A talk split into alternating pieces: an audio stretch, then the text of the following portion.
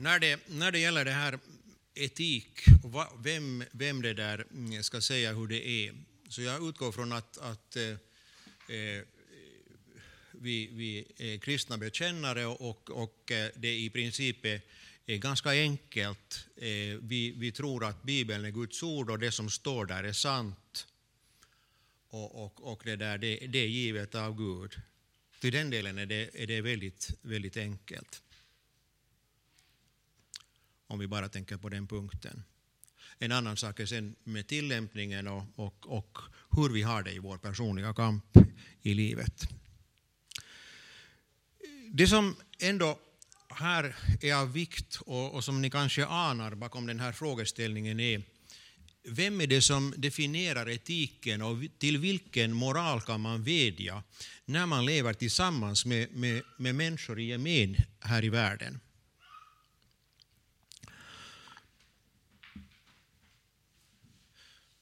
Om vi först tar ett sådant perspektiv att vi, vi, vi tänker på var, var, vi befinner oss och, och nu, nu det där orienterar vi oss utifrån vår kristna tro för att sen komma till det som, som är gemensamt med, med människor i gemen. Utgångspunkten är att vi befinner oss i en värld skapad av Gud. Det är det första, som en kristen alltid bekänner. Eh, det som kommer först i Bibeln och trosbekännelsen. Jag tror på Gud Fader, den allsmäktige, himmelens och jordens skapare. Och vi ska aldrig någonsin hoppa över det här, utan det är alltid det som vi, vi, vi först anlägger när, när vi gestaltar vår bekännelse, vår tro, vår verklighetsuppfattning. Gud, vår himmelske Fader, har skapat allt det här. Och det andra är att vi lever i en fallen värld vilket också Bibeln i början skildrar. Syndafallet kom in som den stora katastrofen. Men det här betyder inte att eh, denna värld inte skulle vara Guds, att han inte är ägare till den. Utan det är så att, att djävulen visserligen har ockuperat den, som eh, aposteln Johannes säger, hela världen är i den ondes våld, men Gud är dock ägare till den. Och, och eh, det, det här, dessa två saker vi har i början av Bibeln, skapelsen och syndafallet, dem tar vi alltid med oss när vi försöker förstå livet, förstå verkligheten, se den plats där vi är ställda och när vi ställer oss frågan varför är vi här, vart är vi på väg? Denna eh, värld upprätthålls tills vidare. Det, det är det som vi väldigt tydligt lär oss när vi läser Nya testamentet. Och det är det också som finns med i frälsningsdramat. När vi hör orden ”ty så älskade Gud världen att han utgav sin enfödde son”, så finns det ju med där eh, för att den inte ska gå under, alltså den människa som tror inte ska gå under, eh, och, och då förutsatt att den som inte tror går under. Därför att denna värld ska gå under. Och Jesus eh, talar om det här när han talar om eh, världens slut, när han talar om att himmel och jord ska förgås. Och sen har vi det här dramatiska som eh, finns i andra Petribrevet där det sägs att, att eh, himlar och jord ska upplösas av hetta. Eh, men den här världen upprätthålls tills vidare.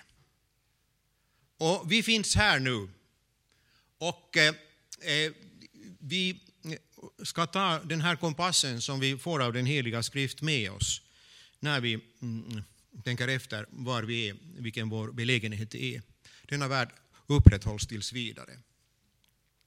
Gud vill frälsa människorna. Bibeln är det ord som förklarar detta. Och vi möter där Guds uppenbarelse. Det eviga Gudsriket tar vid redan här och nu genom tron.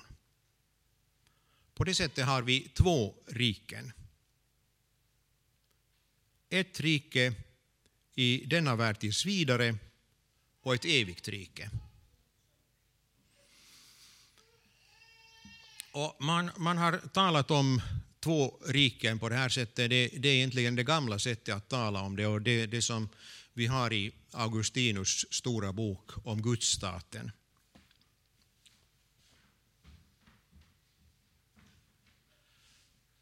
Det vi kan säga är att denna fallna, den fallna världen visserligen är allvarligt skadad genom fallet, dömd att gå under, men den är fortfarande Guds skapade värld. Och här kommer vi kanske och möter då det vackraste ordet om detta som vi har i Bibeln. Jorden är Herrens och allt vad därpå är, jordens krets och det som bor därpå. Det som nu är och kan ses hör till helheten, som i allt till minsta del upprätthålls i Kristus i detta nu. Utan detta upprätthållande skulle allt falla samman med detsamma. Och vi har ett ord som uttrycker detta, hur allting hålls samman i Kristus i detta nu. I honom skapades allt i himlen och på jorden, det synliga och det osynliga, tronfurstar och herradömen, makter och väldigheter. Allt är skapat genom honom och till honom. Han är till före allting och allt består genom honom.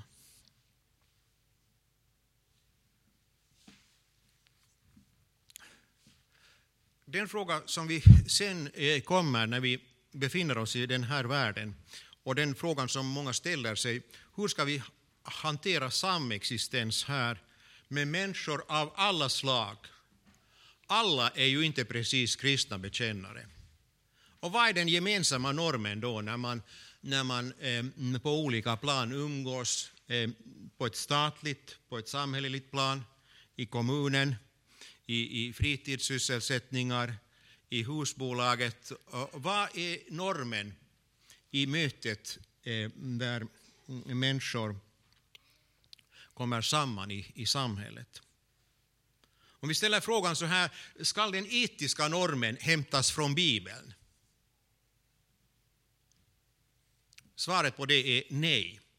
Den kristna tron är inte normen för det gemensamma livet här i världen eftersom Tron är icke varmans och därför kan den inte vara normen.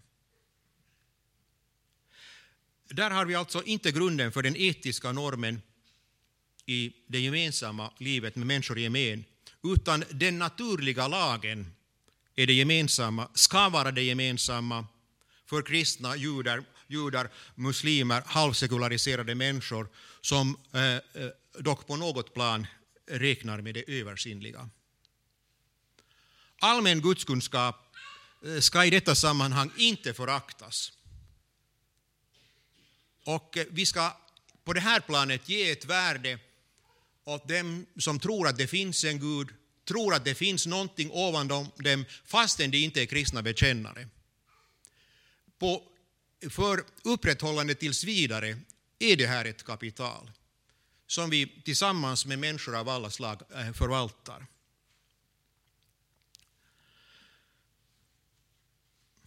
Även om det inte är detsamma som att känna Gud och den han har sänt, så är denna allmänna gudskunskap i livet här tills vidare någonting. Och det ser vi också i Bibeln, om vi läser noggrant, att det är så. Man kan säga som så när det gäller den naturliga lagen, att var den finns. Så när vi köper hem en produkt från, från affären, någon, någon eh, elapparat eller vitvara eller mm, elektronisk pryl, så följer det, följer det med en bruksanvisning. Och vi kan säga att, att eh, Gud har gett bruksanvisningen eh, också med sin produkt, skapelsen. Det står att avläsa där hur den ska hanteras och brukas. Den följer, skapelsens bruksanvisning följer med den själv, så att den kan upptäckas och avläsas där inte kulturförfallet varit för stort. Eh, har den direkt traderats i rättstradition, goda seder, det som etiketten beaktar, i ordspråk och sagor. Eh, vi ser det också genom att de grundläggande buden, om vi skriver om dem så här allmänt, så ser vi att de är alldeles generella och gäller överallt. Respektera religionen och gudomen. Hedra fader och moder. Dräp inte. Gör inte äktenskapsbrott. Skäl inte, förstör inte din medmänniskas goda namn och rykte. Det är fult att avundas och missunna medmänniskan det hon har. Allt detta har vi runt om i världen, i alla, generellt sagt i alla religioner och högkulturer genom historiens gång. De tio budorden sammanfaller med den naturliga lagen och förtydligar den. Den naturliga lagen är, är erkänd i mänsklighetens historia och sammanhang. Genom att rätt är rätt och genom att eh, man inte i regel kan rösta bort många centrala beståndsdelar i denna givna lag. När kulturdekandensen går tillräckligt långt så kommer man nog att kunna göra det. Men i princip finns det en spärr. Naturrätten, om vi använder det ordet, jag definierar inte närmare, men de går in i varandra här och, och eh, står ungefärligen för samma sak. Och rätt, den rätten är given före någon lag är skriven. Och det har varit en allmän föreställning. Inte så att vi hittar på nu vad som, vad som är rätt och fel, utan det har varit givet.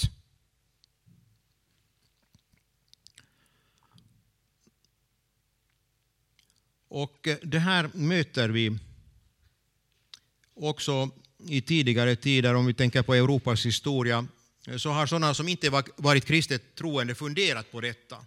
Man tänkte sig att det var ett mönster som fanns i naturen, precis som annan lagbundenhet eller matematiken och så vidare. Också den romerska rätten bygger på föreställning om naturrätt. Det finns vittnesbörd från romerska senatorer som eh, säger att de, förrän de avgör någonting i senaten så, så vet de vad som är, är rätt det fanns en reflektion om det rätta som utgick från någonting objektivt, någonting var givet. Och, och, och till exempel om vi tänker på, på korsfästelse som var ju aktuellt den här tiden i det antika Rom eh, gällde dock bara icke-romerska medborgare och särskilt eh, mm, kriminella brottslingar. Så hade man långa diskussioner i den romerska senaten om, om, om det här egentligen var rätt, om det var värdigt, om det var rätt. Man övervägde det från en norm som ingen hade stipulerat, men som man erfor att vara sann. Naturrätten finner vi också hos eh, eh, gamla grekiska filosofer, och de flesta av de större grekiska filosofer har, har någonting om detta. De referenser som Paulus använder i Apostlagärningarna 17, då han står på Areopagen och talar, eh, eller när han eh, skriver till romarna i Romarbrevet 1 och 2. När vi tänker på de här bibelställena så är de alltså kända för människorna i den antika världen, det han där säger. Han talar inte eh, sådär rakt ut i luften, utan han anknyter till någonting bekant och går sedan vidare. Skapelsens vittnesbörd och den icke skrivna lagen som kan märkas och bekräftas av människan, den är där. Dessutom fanns det i den hedniska filosofin utförda tankar om dessa ting som, som just Paulus omnämner här. Han har ju också där i Apostlagärningarna 17 har han en referens till en, till en författare i, i i deras krets. Vi ska registrera vad Bibeln säger om den naturliga lagen. Eh, men då vi argumenterar med människor som inte bekänner tron ska vi inte ha någon hänvisning till Bibeln då det gäller rätt i stat och samhälle. Så är det i princip. Utan vi ska vädja till den naturliga lagen, se det som ett axiom som förpliktar människan i tillvaron eh, och som ska följas. Vi vet för personlig del någonting om detta genom Bibeln Men när vi argumenterar med människor i gemen i samhället så ska vi noggrant hålla oss till det eh, som vi kan säga utifrån förnuftet Eh, och vädjande till deras samvete i allmän mening. För det här är oerhört viktigt, för ofta händer det när, när eh, en kristen eh, argumenterar att motståndet säger att men det, där, det där är, är någonting kristet, du ska inte blanda nu det där, din religion i, i politiken här. Eh, och, och så, så, så det som man egentligen vänder sig emot sedan blir i praktiken den naturliga lagen som förpliktar alla människor lika och som alla människor i princip känner till. Det här är en av anledningarna till att det här är viktigt. Och om vi ser på hur Paulus hanterar dessa frågor så, så är det just så. Vi ska inte komma dragande med Paulus, det ska han vända sig emot. Helt tydligt, om vi tänker på hur han annars hanterar dessa ting.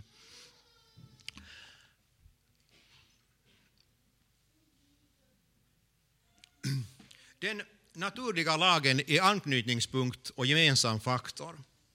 Den naturliga lagen finns mer eller mindre dunkel där människor lever. Och låt oss nu ta Eh, eh, eh, det bibelställe där det, där det sägs så här. Ty när hedningarna som saknar lagen av naturen gör vad lagen befaller, då är det sin egen lag fastän de inte har lagen.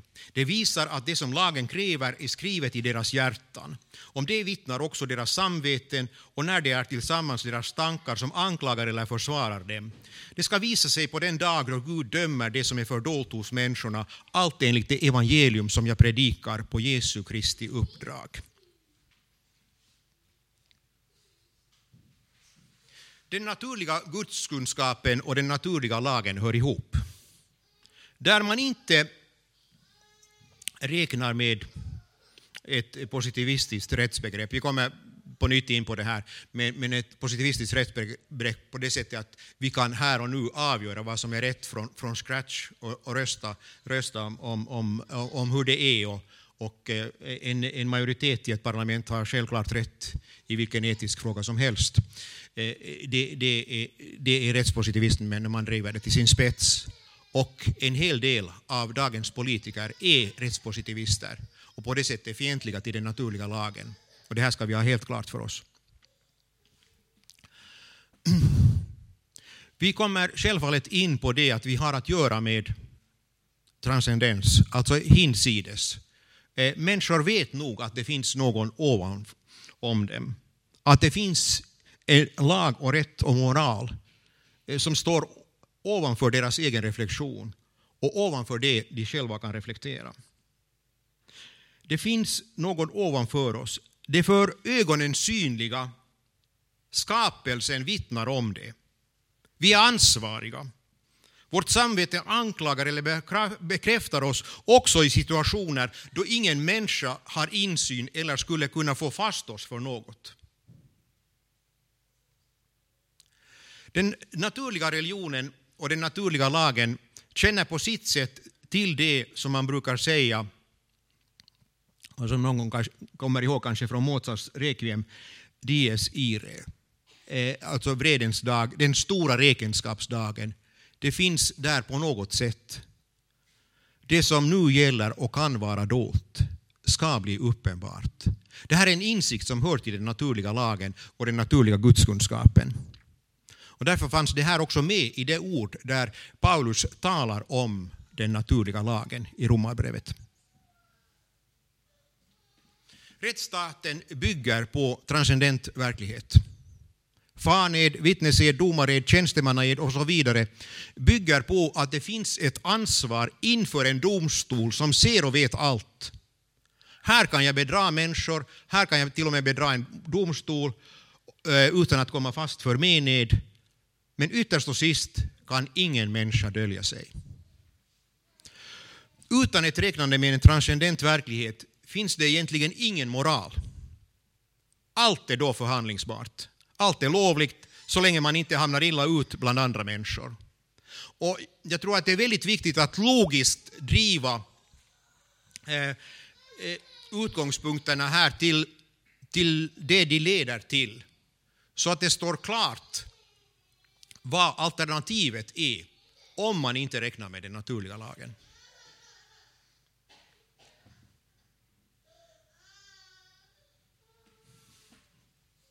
Vi har sen i följd av det här en sån här mera rättspositivistisk tänkande så har vi en farlig tillämpning på det privata planet. Vi får göra vad vi vill så länge vi inte skadar någon. Det har vi väl alla hört. Och det, det är liksom en sån här dogm i, i dagens eh, människovärld. Det som vi måste säga att det är inte det absoluta och det är inte så enkelt fastställt när man skadar och inte skadar. Det gäller inte bara människor här intill oss, utan det gäller att inte bryta mot det som gäller för en människa, låt vara att omgivningen bifaller. Alla klappar på ryggen och tycker du gör rätt. Men om jag bryter mot en ordning som är given, mot det lagen säger, så har jag, så har jag dock brutit. Vi ska inte bryta mot det rätta. Vi ska inte bryta mot en ordning som är given. För det finns en ordning som är, är, ligger här i tillvaron för att upprätthålla den tills vidare. Säger man så här, vi får göra vad vi vill så länge vi inte skadar någon, så då gör man sig själv till det absoluta och högsta. De som säger så kanske bryter mot äktenskapets ordning, kanske bryter mot en rätt penninghantering. Man räknar med att det skadar den stora helheten så lite. Och äktenskapet, det tidigare, var ändå så olyckligt och så här. Det finns något objektivt rätt och orätt som en människa, två människor tillsammans inte kan rubba. Det ligger där det rätta som står emot det orätta, hur överens en individer är om att nu gör vi så här.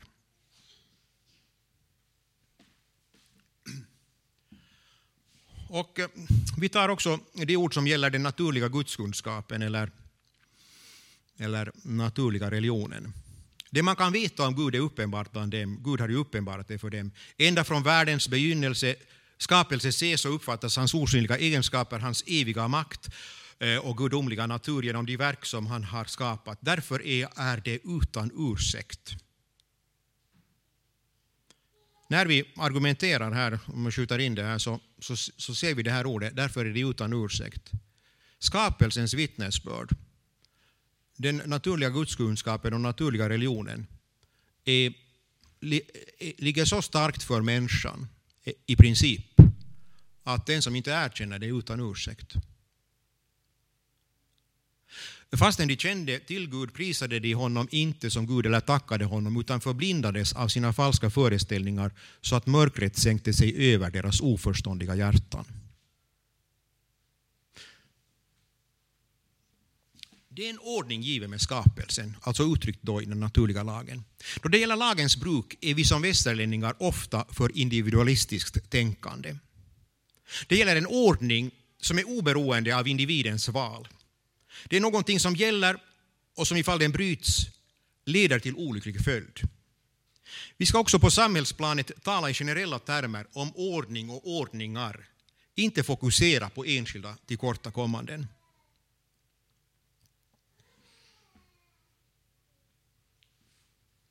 I följd av detta kan vi tala om brott mot ordningen, alltså i generella termer om det som allmänt ska gälla i samhället. Den aktuella frågan om att leva ut en homosexuell inriktning med samhällets positiva sanktion i form av registrering av partnerskap och så kallade könsneutrala äktenskap är ett brott mot ordningen i flera bemärkelser. Brott mot naturen, brott mot äktenskapsbegreppet i dess grund. Vi ska tala om sådana saker på det generella planet. Och om vi kommer ihåg hur Paulus skriver i Romarbrevet 1 så talar han i generella termer om kollektivet, om hur det är, det är hela tiden där tredje person pluralis och någonting som gäller eh, socialiteten, kollektivet, eh, människorna i gemen i en kultur. Allt hör samman hela tiden. Och, och det där, just när lagkännedomen den allmänna lagkännedomen och, och eh, förnimmelsen av det, den transcendenta verkligheten försvinner, då förfaller kulturen. Eh, då, då händer just sådana saker som Paulus beskriver i Romarbrevet 1. Om vi tänker på våra högkulturer tidigare så, så har det varit utmärkande för dem att, att eh, kännedomen om det transcendenta har varit starkt närvarande. Bästa exempel om vi går bort till en av de första högkulturerna, den egyptiska, så är pyramiderna, som där fortfarande idag eh, talar eh, allmänt, på ett allmänt plan om ett liv efter detta, om ett ansvar, om någonting som följer på detta jordeliv. Och eh, de grymmaste regimerna som vi, som vi har haft, alltså om vi tänker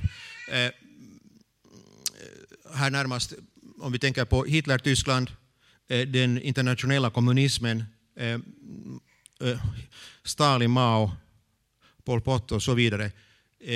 Så det har varit regimer där man på allt sätt har vänt sig mot föreställningen om det transcendenta, om en verklighet som står ovanom människan.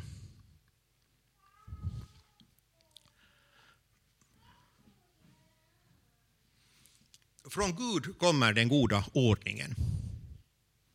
Och eh, därför är det också så att den allmänna gudskunskapen, det är att man är medveten om att det finns en Gud ovanför oss, så stöder ordningen. Djävulen står för oordningen, så som hans namn på grekiska etymologiskt sätt eh, eh, också säger. Diabolos, den som kastar isär, den som söndrar, från diaballo, kasta isär, skapa kaos. Djävulen vill människans och människornas olycka, därför vill han söndra ordningen. Alltför individualistiskt sinnade väckelsekristna kan vara lite blinda för att djävulen vill förstöra ordningen för oss alla. Och ibland kan man eh, till och med höra en sån argumentering. Nå, nå det där, nu, nu kan du ju göra så där, eller nu kan du ju vara sambo, för det är ju ändå inte troende. Eh, så kan man inte resonera om man erkänner den naturliga lagen.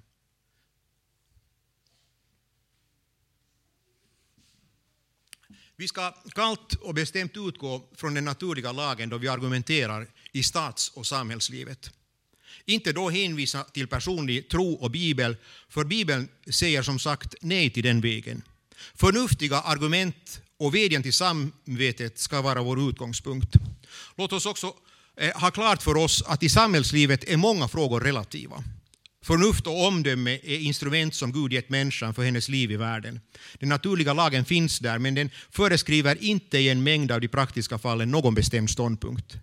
Sedan då det gäller det som är avgjort bestämt ska vi inte svika eller ge efter. Då ska vi vara beredda om det gäller hot mot liv och hälsa, om det gäller äktenskapets renhet eh, och medmänniskans egendom, att troget hålla fast vid det lagen säger en kunskap eh, som i princip är tillgänglig för alla människor.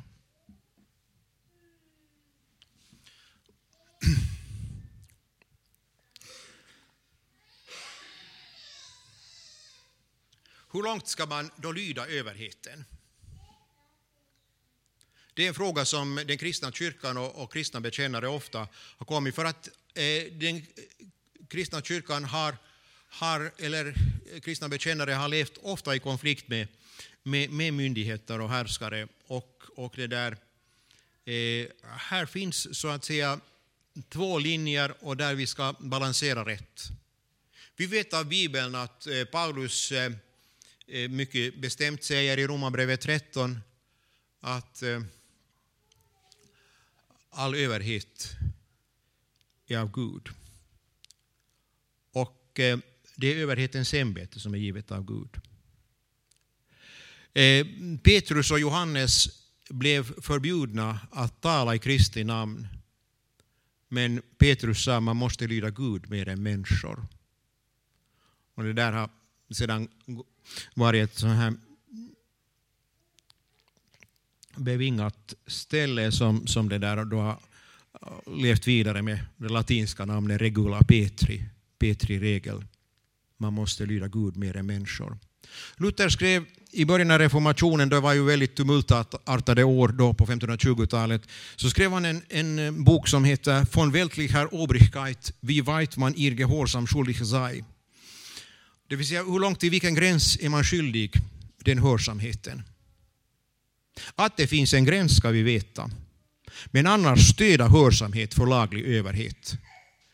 För vi, vi lever ju annars i, i sammanhang där man ofta är väldigt slapp med bestämmelser och där man klagar över hur mycket som befalls och så vidare. Så länge det här inte går mot det som är rätt i absolut mening så finner vi oss. Vi betalar skatt när de begär och vi betalar tull när de begär. Och kanske på andra plan så, så det där kan vi anklaga de styrande om, om, om det där skatter blir för konfiskatoriska och så vidare. Men vi ska stå för, för laglighet. Och det är också ett viktigt kristet vittnesbörd och var det från början. Men vi vet också att just i, i den unga kristna kyrkan så var det ofta frågan om att, att eh, man skulle ge en tribut till, till kejsaren, delta i kejsarkulten. Och kristna som vägrade detta, det behövdes inte mycket att man, att man böjde sig i vördnad, att man eh, gav en penninggåva eller så. Men kristna som vägrade kunde hamna väldigt illa ute. Och det som gäller här är, när vi talar om lag och rätt, är att från Gud utgår allt lag, all rätt. Och när någonting bryter mot honom och det han har sagt så vet vi vad som avgör för oss. Med hög självkänsla och med förnuftsargument ska de rättrådiga i staten eh, agera. Vi lever i en samhällssituation då vissa floskler i retoriken högprioriteras och man menar att man kan sätta sig i respekt med dem. Det får inte rubba oss vetenskapen, det vill säga undersökningar, har visat, så säger någon som ska hålla ett, ett eh, väldigt eh, starkt anförande och, och få folk med sig. Och, och, ofta är det lite oklart vad den nu visat sen. Eh, eller utvecklingen har nu nått en punkt att vi måste acceptera det här. Utvecklingen har fört oss till.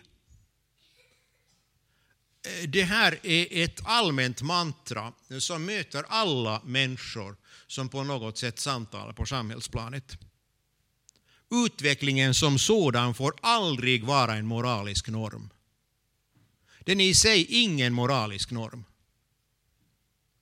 Utan vi kan konstatera att det har funnits missförhållanden i forna tider, det finns missförhållanden i vår tid, men dessa ska rättas till med handfasta rättsbegrepp, inte genom en diffus hänvisning till utvecklingen. Och eh, om vi tänker på kulturernas förfall så har det just gått så att man har förlorat kontakten till lag och rätt och sen vad de flesta har tyckt när de vänt sig från det rätta har fått bli normerande och så har det förfallit. Eller för att använda eh, Paulus uttryck så har Gud prisgett dem åt deras egna begärelser.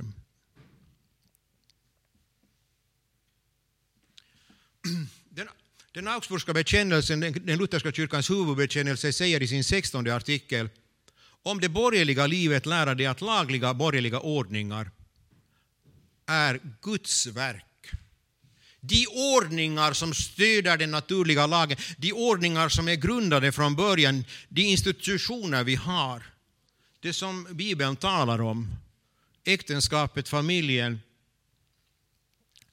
Kyrkan kan i, i, i den här meningen också betraktas som en ordning.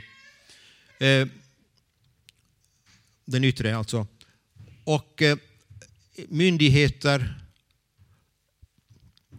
av vad slag det vara må, eh, som eh, tjänar ordningen med stort O och i singularis bestämd form. Det är Guds verk. Och man kan inte komma och säga att, att utvecklingen har nu fört oss så att vi ska se på annorlunda på det här nu. Det kan hända att vi har allvarliga missförhållanden, men de ska rättas till genom förnuftsargument Eh, med hänvisning till klara rättsbegrepp. Vi har mycket sånt här som är på gång i den yttre kristenheten. I den katolska kyrkan så finns det en sån här befrielseteologi som är egentligen till sitt innehåll helt marxistisk och som just innebär att eh, mm, bestående ordningar rubbas. Vi har också ett, eh, ett falskt utvecklingstänkande som dominerar i vår kyrka Eh, och som tar sig väldigt komiska uttryck egentligen. Om vi tänker efter hur det har fungerat, att när, när man, när man det där började mm, det där, eh, diskutera kvinnliga präster så sa man att det är väldigt viktigt att diskutera det här och så höll man på att diskutera och sen plötsligt när det var godkänt så då fick man inte diskutera det mera.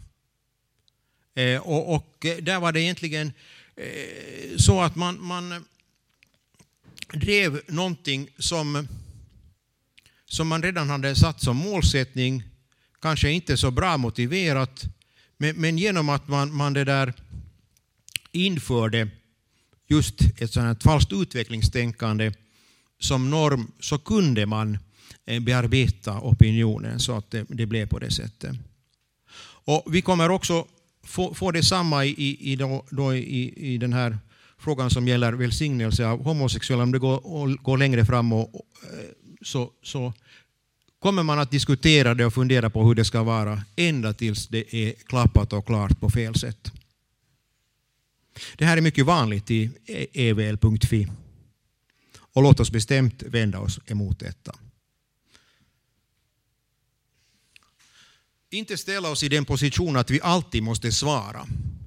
Det här är, ett misstag som många kristna gör. För att samhällsfrågorna är ofta väldigt komplicerade och alternativen är, är väldigt svåra att tänka ut.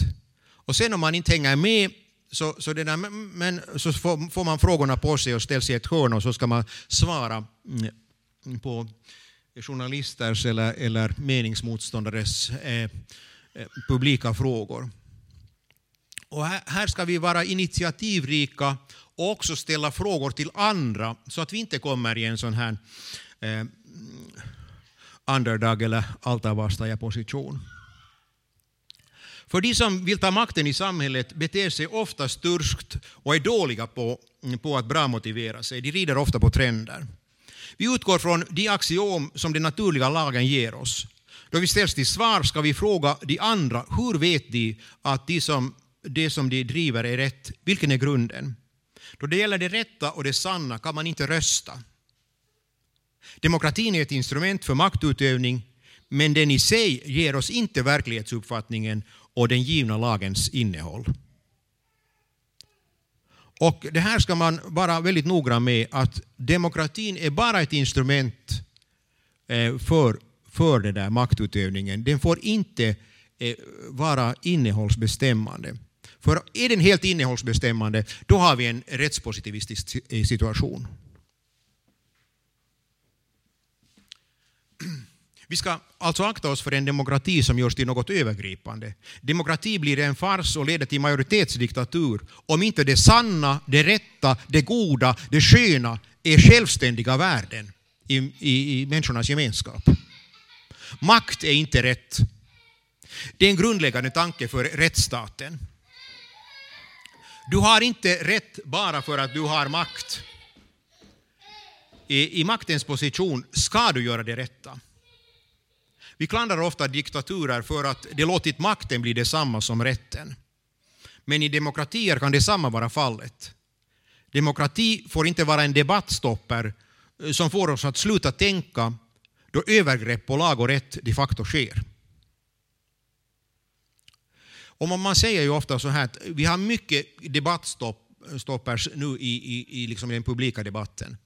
Man, man säger när, när någon, någon, någon där ska analysera den här frågan om, om, om partnerskapsförhållanden och, och så kallade könsneutrala äktenskap så säger man att, att du är homofob och så, så slutar det där. Så, liksom, var blev analysen, var blev den sakliga debatten? Eller om man är i, i, kritisk till, till eh, islamismen och, och, och hur den mm, eh, kommer till uttryck i det politiska livet så, så ropar någon islamofob och så, så får man inte säga någonting mera. Och, och, och den här typen av stämplande som eh, sätter en förnuftig, saklig, analytisk diskussion på undantag, eh, det måste vi resolut vända oss emot och inte acceptera.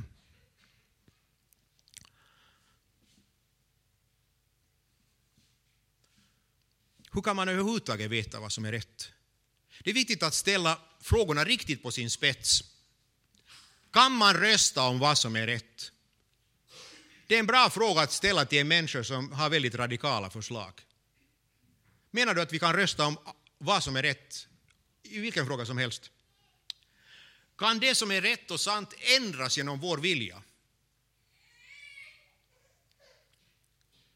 Ni vet, Olof Palme sa att politik, det är att vilja.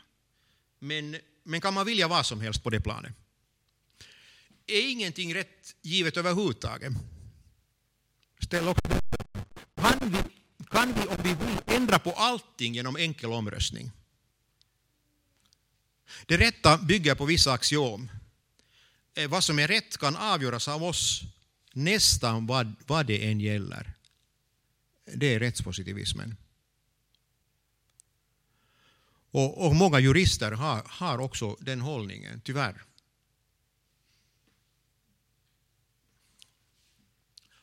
Och, eh, för att gå vidare på det här, eh, ställa det på sin spets, så eh, rättspositivismen är faktiskt alternativet till naturrätten. Vi ska moralfilosofiskt konfrontera oss och våra samtalspartner med hur det förhåller sig rent logiskt och enkelt. Och, och det råkar finnas en, en, en, ganska bra sammanfattning på Wikipedia. Man ska nog inte alltid lita på det, men här var det rätt. Rättspositivism är en riktning inom rättsfilosofin som ser rätten som en konstruktion och inte grundad på en universell moral. Enligt rättspositivismen kan inte en lag vara orätt eftersom rätt bara är en idé eller känsla som skapats genom till exempel uppfostran eller ett instrument för makthavare att utöva makt. Vi ska se vad vi har i vågskålarna. Och verklighetsuppfattningen, hurdan är den? Är tillvaron given och ordnad, ordnad eller är det bara ett kaos som eh, av slumpen råkar bli så här? Har eh, slumpen och utvecklingen fört oss till den punkt där vi är, vilket då givetvis innebär att det inte finns något givet som är ansvarsförpliktande eller något inför vilket vi är ansvariga.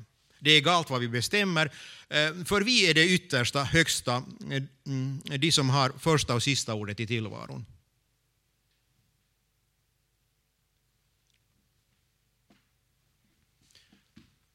Rättstraditionen bygger på att det rätta i sin grund åtminstone är något givet.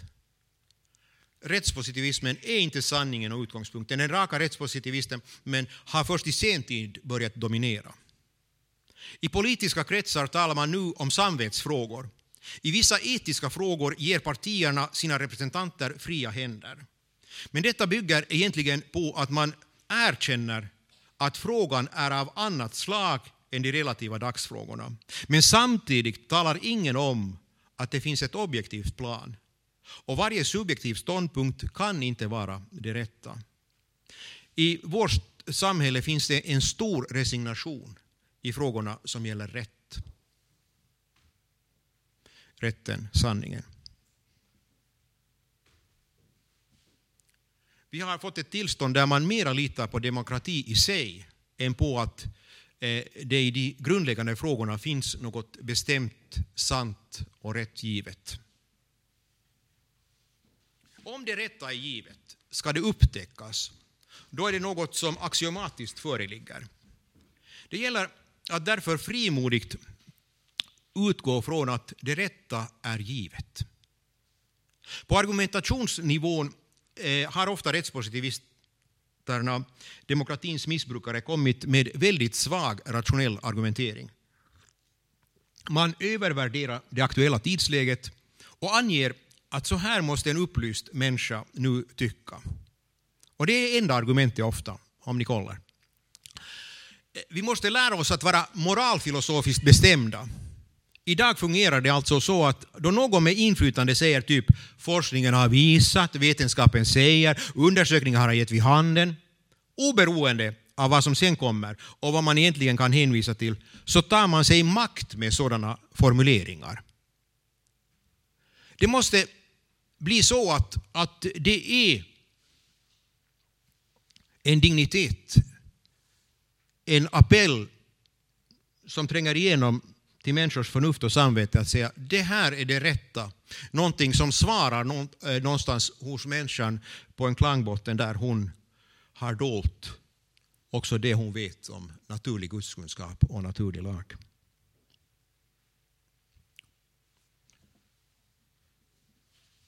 Vi måste kunna säga därför att det är rätt, ta ton och kasta frågor tillbaka. Med vilken rätt säger du att det rätta inte är givet från början? Den som rubbar en ordning har bevisbördan. Vi har i vår samhällsupplösning nått ett tillstånd där man på många sätt i odiskutabla punkter inte längre får säga detta är rätt, det, det andra är orätt. Allt förvandlas till subjektiva åsikter. På sätt och vis leder missbruket av demokratibegreppet just till denna ohanterliga och samhällsfördärvliga subjektivism. Utgå från det rätta. Inte från vad en trolig majoritet anser. Inte ängsligt svarande på alla upptänkliga frågor från ett underläge. Om vi har rätt, om vi har universums högste på vår sida, om det är han som har gjort allt det här, så att, att vi, vi åtminstone i vår position trygga.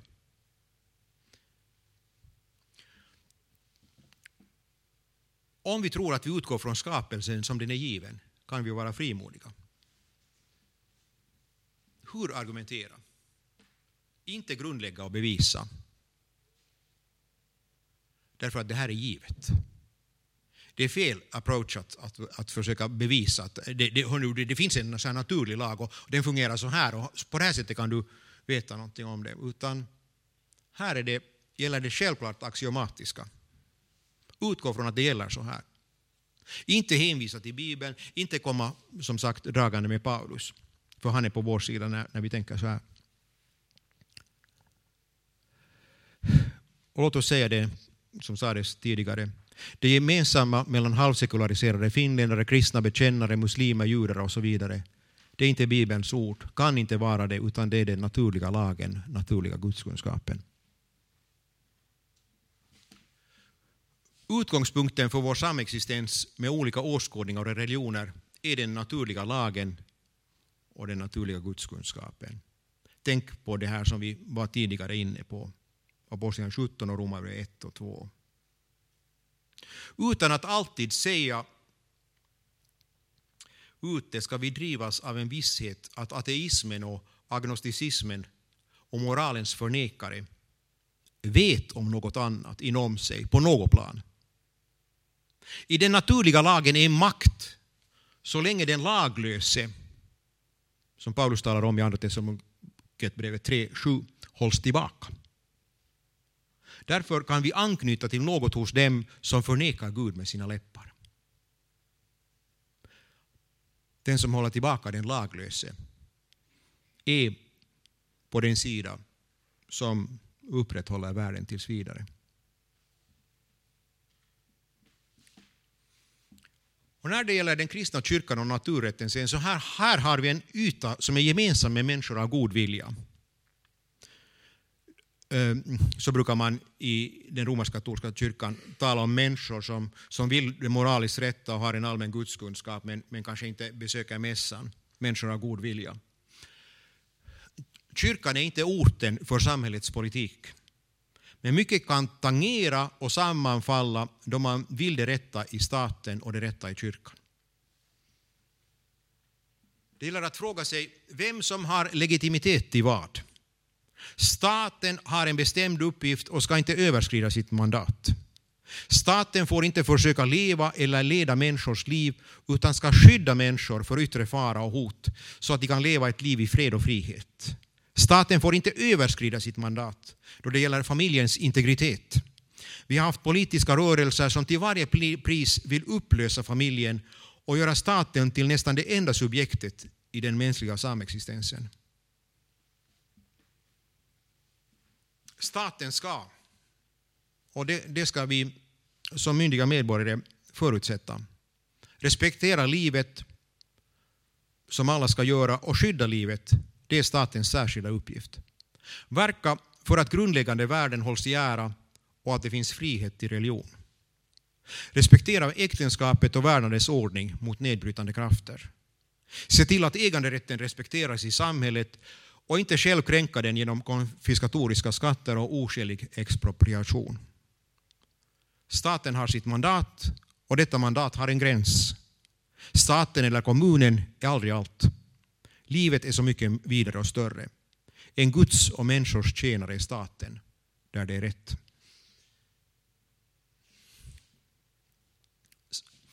Ännu sammanfattningsvis. Den naturliga gudskunskapen är något som allmänt finns. All moral förutsätter den. Annars är, och då ska vi alltid ha alternativet mycket klart för oss, Annars är varje moralisk regel bara ett avtal mellan två människor eller mellan kollektivet och individerna, inget mera.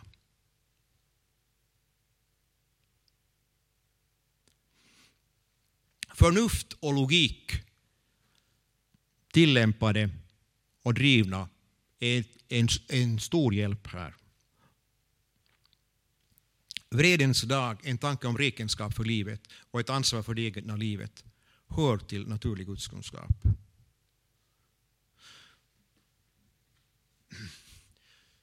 Om vi lite talar om de samhällsmoraliska knäckfrågorna. Angreppet gäller i hög grad äktenskap och samliv, det som hör till familjelivet. Starka krafter är i rörelse för att upplösa det som här ska gälla. Sexupplysning i skolorna är, som man ofta uppfattar den, teknisk med ringa eller helt rättspositivistiska synpunkter visar vi moral. Samboväsendet tränger på från alla håll och accepteras i allra högsta grad i nominellt kristna kretsar.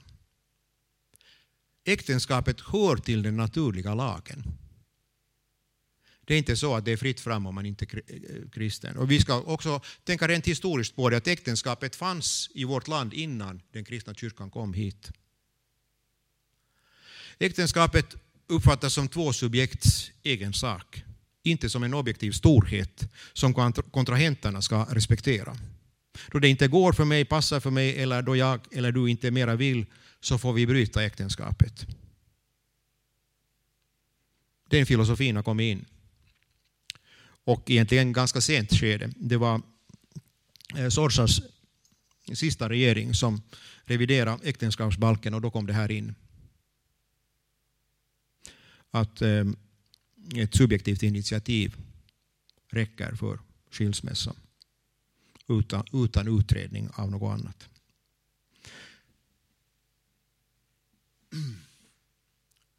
Aborter är klart fel och försvaren är ofta tragikomiskt konstiga. Det allmänna, se bara på den amerikanska presidentvalskampanjen.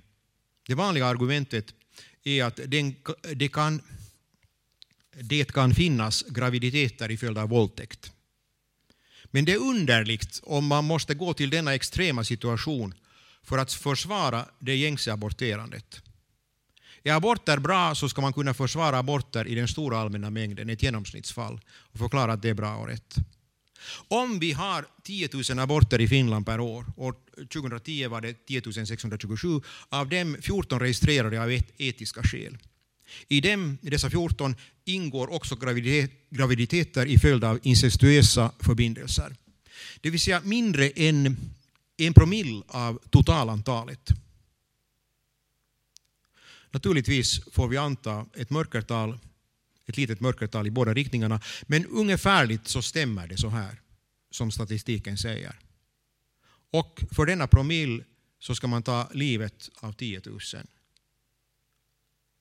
Det är någonting, någonting som inte stämmer liksom i argumenteringen. Och så, så, så argumenterar man överallt. I Finland, i USA, var som helst. Och, och, och det där, här, här visas också eh, fientligheten till den naturliga lagen visar sig ofta i, i i det totala oförnuftet, i det att man, man, man inte kan bejaka det naturliga och förnuftiga och, och eh, tänka logiskt. Om vi sedan talar lite om äktenskapet. En biologiskt frisk människa är kapabel till sexuell handling. Men idag talar ingen om naturlig kyskhet och återhållsamhet, utan alla förutsätts, vare sig de är det eller inte, vara sexuellt aktiva. Samboväsendet är ett sätt att förverkliga äktenskapets sexuella del utan att regelrätt ingå äktenskap. Den åskådning som ingår i det föregående är också ett, en av grundbultarna för acceptansen av homosexuellt samliv. Det är att man förutsätter att alla är sexuellt aktiva. Så måste ju alla få vara det och få, få uttrycka det. Tilläggs här att den onaturliga homosexuella inriktningen uppfattas som naturlig och måste mm, eh, få såsom annan sexuell inriktning självklart förverkligas.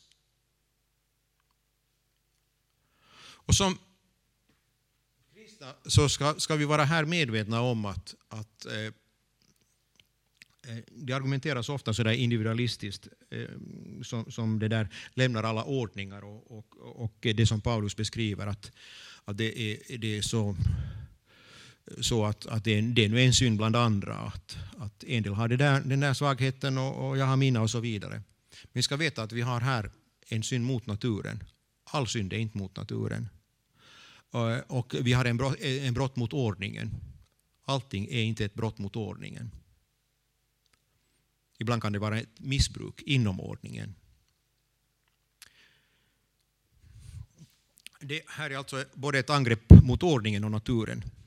Ett angrepp på att skapelsen är tvekönad, ett angrepp på könsdifferensen.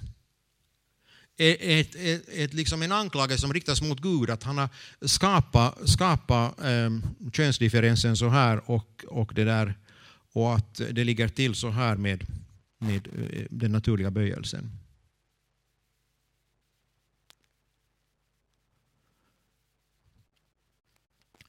Och när vi är inne på de här frågorna är det också bra att inse att här är vi inne på ett område där den naturliga lagen och den i ordet uppenbarade lagen sammanfaller. Och det här är eh, våra bekännelseskrifter mycket klara över. Och, och, därför kan de sammanfattas så här till exempel och, se, och tala om läror, falska läror som icke kan tålas eller fördragas vare sig i kyrkan eller staten eller i familjen.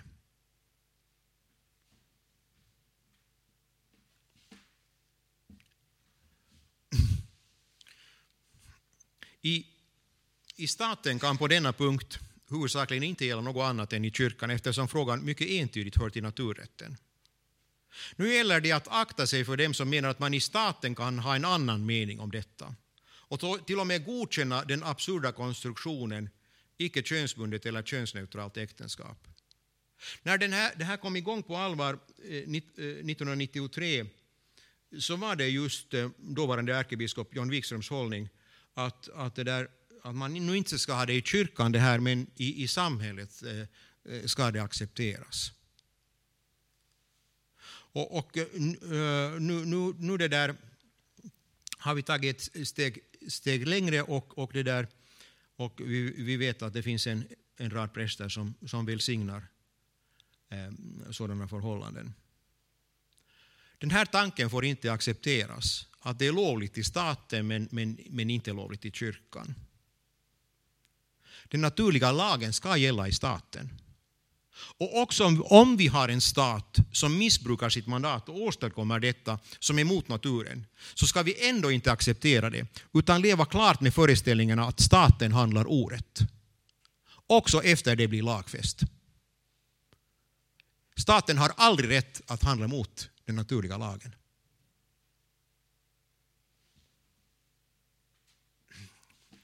Och här ska vi, för att föra in lite mera, mera det där begrepp, så ska vi tala om det man kallar lagens första bruk. Här har vi någonting gemensamt. Om vi har rättsgrunden, den naturliga lagen gemensam, så har vi tillämpningen, som vi med Luthers språkbruk kan kalla lagens första bruk, gemensamt med människor i gemen. Lagens första bruk, det är tygeln i det mänskliga kollektivet. Eh, och, och det, där, eh, det här är någonting som, som det, där, det ibland har funnits en, en det där frestelse i väckelsekristna kretsar att hoppa över. Eh, att man, man går så direkt på lagens andra bruk. Och man tänker så direkt på individens tillkortakommande. Att om, om, om nu någon lever i en, i, i en, det där, i en oh, orätt relation, kanske äktenskapsbrott. Eh, och, och, den andra är nu lite avundsjuk på att eh, grannen har en finare bil. Så, de har ju båda en svaghet och en synd. Och det, det är väl samma sak. Eh, och, och, eh, det här, våra alarmklockor ska ringa då, då det där lagens första bruk inte finns. Då väsenssynder blir detsamma som, som yttre synder här i världen. För det första som Gud kallar oss till är att vara människor här i världen. Att upprätthålla denna skapelse tills vidare. Att göra det som är rätt enligt naturlig lag i det yttre. Det här har ingenting med frälsningen att göra, utan det här är fråga om att upprätthålla eh, eh, världen fram till det slut som Gud har bestämt. Lagens andra bruk är sen en annan sak. Det är spegeln som avslöjar varje människa som förtappad syndare inför Gud. Lagens tredje bruk, regeln som den nyfödde kristne gärna älskar och följer enligt sin nya människa såg eftersom hon älskar Gud och det som kommer från honom. Men, men det, här, det här tror jag är viktigt just i vår tid och när vi samlas eh, som kristna att tänka på det här med lagens första bruk. Jag, jag tror att det har varit försummat och, och, och har själv erfarit det också.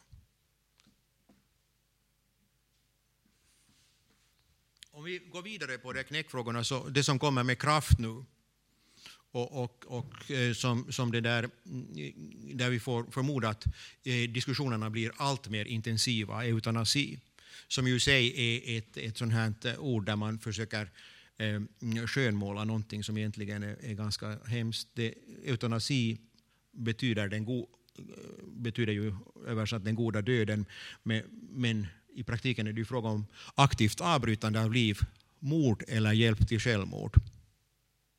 Eutanasi kommer inte, det ska vi minnas, inte bara på grund av sjukhusteknologin och det att vårdmöjligheten har avancerat så mycket att aktualiseras. Ofta hänvisar man till det. Eh, kommunerna har, har investerat, kommunförbunden, i dyr sjukhusteknologi och de gamla blir allt flera och, och vi får en, en, en kalkyl som, som det där är, är svår. Och, och sedan när det är vård, den har ändrats så mycket och det finns, finns så, så, så mycket man kan göra som man tidigare inte kunde så, så får vi liksom en ny situation som kräver en, en, ett nytt förhållningssätt. Vi ska inte på något sätt eh, ringakta eh, de valsituationer och de problem som, som de som jobbar inom vården har här. Men det här är någonting gemensamt och, och den gemensamma grunden eh, får inte rubbas här. Det främsta hotet är fortfarande faktiskt att synen på människolivet har förändrats. Att, att det inte är ett problem att genom aktivt ingrepp avbryta ett liv eh, som inte av sig själv skulle avbrytas.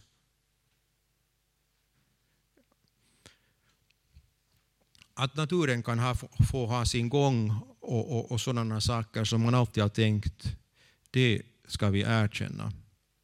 Men, men att avbryta liv genom ingrepp, här, här, här, här får det inte rubbas i, i, i den grund eh, därifrån vi startar samtalet och eh, eh tillämpningen i det enskilda fallet. Livet har inte principiellt samma helgd och rättsgaranti som det av, av hävd har haft. Det är därför den här frågan kommer svårt på. Inte i första hand på, på grund av, av sjukhusteknologin. Man ser relativt, och den marxistiska synen på människan som en komponent i den producerande massan i det klasslösa samhället. Den icke-produktiva människan är ett principiellt problem, fastän man inte ser ut det. Krasst, en död åldring är billigare än en levande. Och, vi ska ofta vara varse just de satser som inte uttalas, som ingen text uttalar, men som ändå är styrande för både beslutsfattande och för propaganda. Livet i sig är ett värde.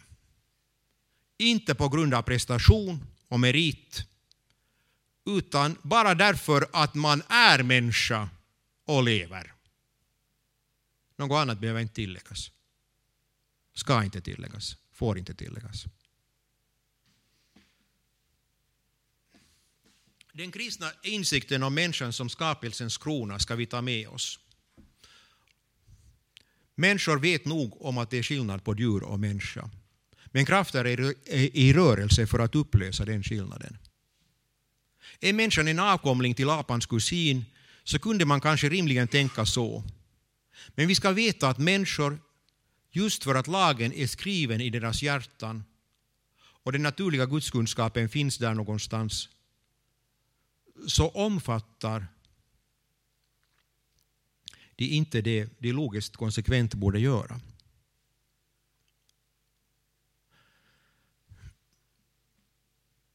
En stor del av dem som till och med på ett dogmatiskt självklart sätt omfattar evolutionsteorin är nog på samhällsplanet beredda att argumentera mot socialdarwinismen.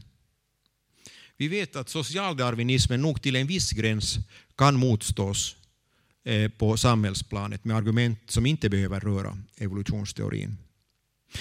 Det kan vi veta samtidigt som vi som kristna är varse ett hot just genom den här föreställningen som dominerar den västerländska världen.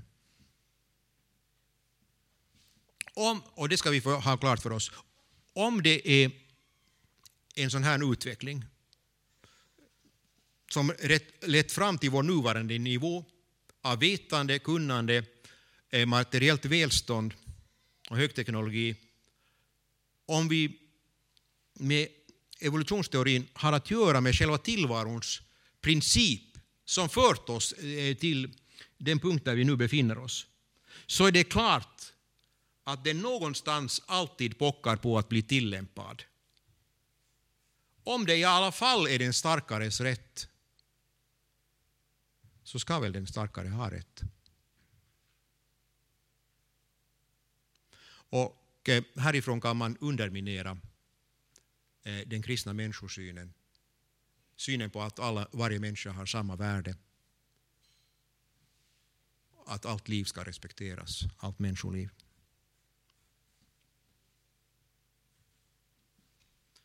Det som vi också ska ha klart för oss är ondskan i staten. Den naturliga kunskapen om naturliga lagen och den naturliga gudskunskapen eh, så har gett tidigare generationer en klar insikt om ondskan hos människan. Och människosynen har ändrats. Jag tror att alla har varit med om det här att när man talar om att, att människan är ond i sig och att det finns också eh, sådant hos varje människa som måste hävas och hämmas och stävjas om vi inte ska bli odjur med varandra. Så, så vill människan inte höra på. Nej, nej, nej inte det, sådär. Det, det, det är trauma, det är mammas och pappas trauma och det, det är det där saker och ting som händer i uppväxten. Och, och eh, det är miljön och det, det är svårigheter och det, det, är det där att man blir mobbad på, på, på de och de klasserna. Och, och där, där är liksom man skjuter över, projicerar bort den ondska som bor i individen på någonting som finns där omkring den. Det här pågår hela tiden och det är livsfarligt för människor.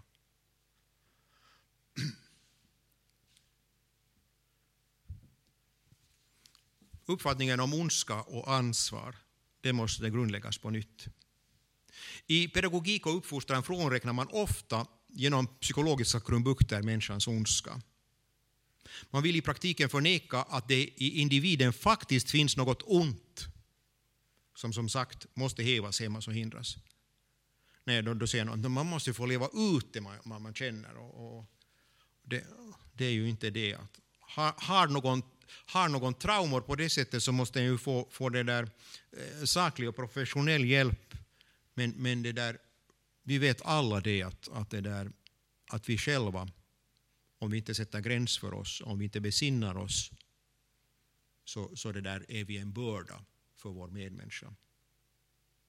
Att individen har ett ansvar för sina handlingar är hennes adelsmärke. Ett oskäligt djur har inte något sådant ansvar. Att människan är ansvar för sina handlingar, goda och onda handlingar, det är hennes adelsmärke. Att hon kan reflektera över dem och att hon kan ställas till svars för dem eller berömmas för dem. Det är människans adelsmärke. Det får vi inte ta bort från henne.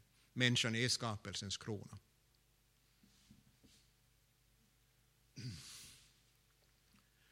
Överallt finns insikten om den naturliga lagen. Det ska vi veta, den kommer emot oss på många sätt om vi vill se det. I skatten av sedelärande berättelser och sagor, i kulturnationernas rättstradition, i den vädjan om att ta ställning för de orättvist för, förfördelade i samhället. Tänk på all litteratur, eh, god arbetarlitteratur, på, eh, sådana som har pekat på samhällets missförhållanden. Eh, hur det här har vädjat till den rätta indignationen kombinerat med den naturliga lagen och fått till stånd goda förändringar i samhället. Tänk till exempel på Charles Dickens romaner. Den andra tavlans bud om yttre handlande eh, stämmer med den moral som gäller överallt oberoende av vilken kult som är aktuell i religionen. Vilken världsdel det gäller. Eh, på ett elementärt grundläggande plan är detta fallet. Låt oss till slut ytterligare påminna oss om det. Och eh, det som Augustinus säger, att religion och gudstro, det är inte bara det som sker i, i, i kyrkan, i andakten, vid predikan, vid sakramentens mottagande. Utan det som har med Gud att göra, det är hela livet. Därför Gud är skaparen och upprätthållaren. I hans värld lever vi. Eller som Paulus just på Areopagen i Apostlagärningarna 17 säger, i honom är det vi lever, rör oss och är till. I en apokalyptisk tid kommer den naturliga lagen att bevaras närmast i de kristnas krets. Men vi måste ändå, om vi kommer in i den tiden, veta att det här är någonting som är givet hela mänskligheten. Så som vi också förstår från Nya testamentets skildringar om vedermödan och Uppenbarelsebokens beskrivningar av den av de heligas och trognas trängda läge i världens sluttid. Den laglöse, som Paulus kallar honom, eller antikrist, som han heter i, i, i första Johannesbrevet, kommer att slutligt fördärva det som uppburit och upprätthållit den fallna världen tills vidare. Den naturliga lagen. Något håller honom fortfarande tillbaka, påpekar Paulus. Men sedan ska han komma fram i fullständig härskarmakt och despotism och sätta sig över allt rätt, sant och gott. De kristna ska för sig besinna skapelsens gåvor. Godheten, skönheten, rätten. Allt det här möter oss fortfarande i denna fallna värld. Vi böjer oss ödmjukt för skaparen och tackar för livets gåva, för att han skapat människan, denna evighetsvarelse, för att leva i gemenskap med sig. Det som det ibland blir frågan om är det här med andligt och världsligt regemente. Det här är en, en annan aspekt än det där som jag nämnde i början av föredraget om, om två riken. Andligt och världsligt regemente, alla har väl hört det, men vad är det? Det som är viktigt att betona är att båda är lika mycket Guds. Ibland kan man höra utvecklingar av det här så att det låter som så att, att det här andliga regementet det har med Gud att göra och det här världsliga är sen så här som inte har med Gud att göra. Det, det får man sen som, som människor göra hur man vill med. Och, och, och Gud äger det inte. Nej, båda är lika mycket Guds. Gud vill tills vidare upprätthålla denna värld och det ska vi beakta. Och också vara eh, med att med den naturliga lagens vapen försvara det världsliga regementet mot djävulens härjningar.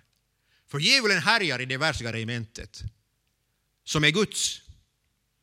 Och därför ska alla rättrådiga människor, alla människor av god vilja, ställa sig emot denna ondska som härjar där. Pseudolutheranerna och, och eh, jag använder det här uttrycket för, för det är sådana just som, som har det lutherska namnet, men just använt det där med världsligt regemente så att, så att det har fråntagit människor eh, eh, ansvar inför Gud i det som de har gjort i världsliga ting. Pseudolutheranerna har gjort ett farligt mullvadsarbete här då det gäller att ta bort naturlig gudskunskap och naturlig lag, det transcendenta från det världsliga eh, eh regementet. Det finns vissa också nominellt kristna som fungerar som de skulle vara rättspositivister, bara de kommer in i, i, i, det där, i politik och så. Och vi har ju ett väldigt märkligt läge nu, om man, man ser det så här i, i, i parentes, att, utan att ta ställning till i, i det här forat till, till, till politikens innehåll i övrigt, men, men om vi tänker på, på de etiska knäckfrågorna, att, att vi i, i presidentvalskampanjen i USA har nu har en som är nominellt kristen, men, men, men det där har uppenbart driver fel, fel linje i, i abort och äktenskapsfrågorna och när det gäller eh, könsneutrala äktenskap. Medan, medan sedan en, en som står utanför den yttre kristenheten, en, en, en, en mormon, då tydligen eh, eh, har, har en linje som, som mera liknar eh, det som den naturliga lagen förutsätter. Så, så det, sådana saker ska vi också vara varse. Sedan internt i den kristna gemenskapen ska det sägas att det världsliga regementet, som jag nu flera gånger har sagt, är lika mycket Guds. Det är bara två aspekter på tillvaron, två styrelsesätt och ordningar i samma värld. Men vi ska veta att det världsliga regementet är en ordning i sig. Det är inte sekundärt en Guds tjänare. Eh, det finns, finns det där eh, kristna års, eh, i, i, i, den yttre kristenheten förekommande åskådningar som går ut på att, att, att det världsliga eller, eller det politiska livet, samhällslivet, så, så, så det, det, det där, där det är rätt så, så liksom får det sin styrka av, av, av kyrkan och det, och det rätta finns nog eh, liksom väsentligen där. Så det är inte eh, eh, eh, staten, den är rätt, är inte en satellit Eh, till den ordning som förvaltar det eviga ordet i, i, i världen, kyrkan, utan någonting självständigt som, som Gud har gett. Poängen är att världslig makt inte ska bestämma kyrkans liv, ordningar och lära. Altaret i kyrkan är å sin sida inte den plats varifrån det världsliga ska styras. Tack.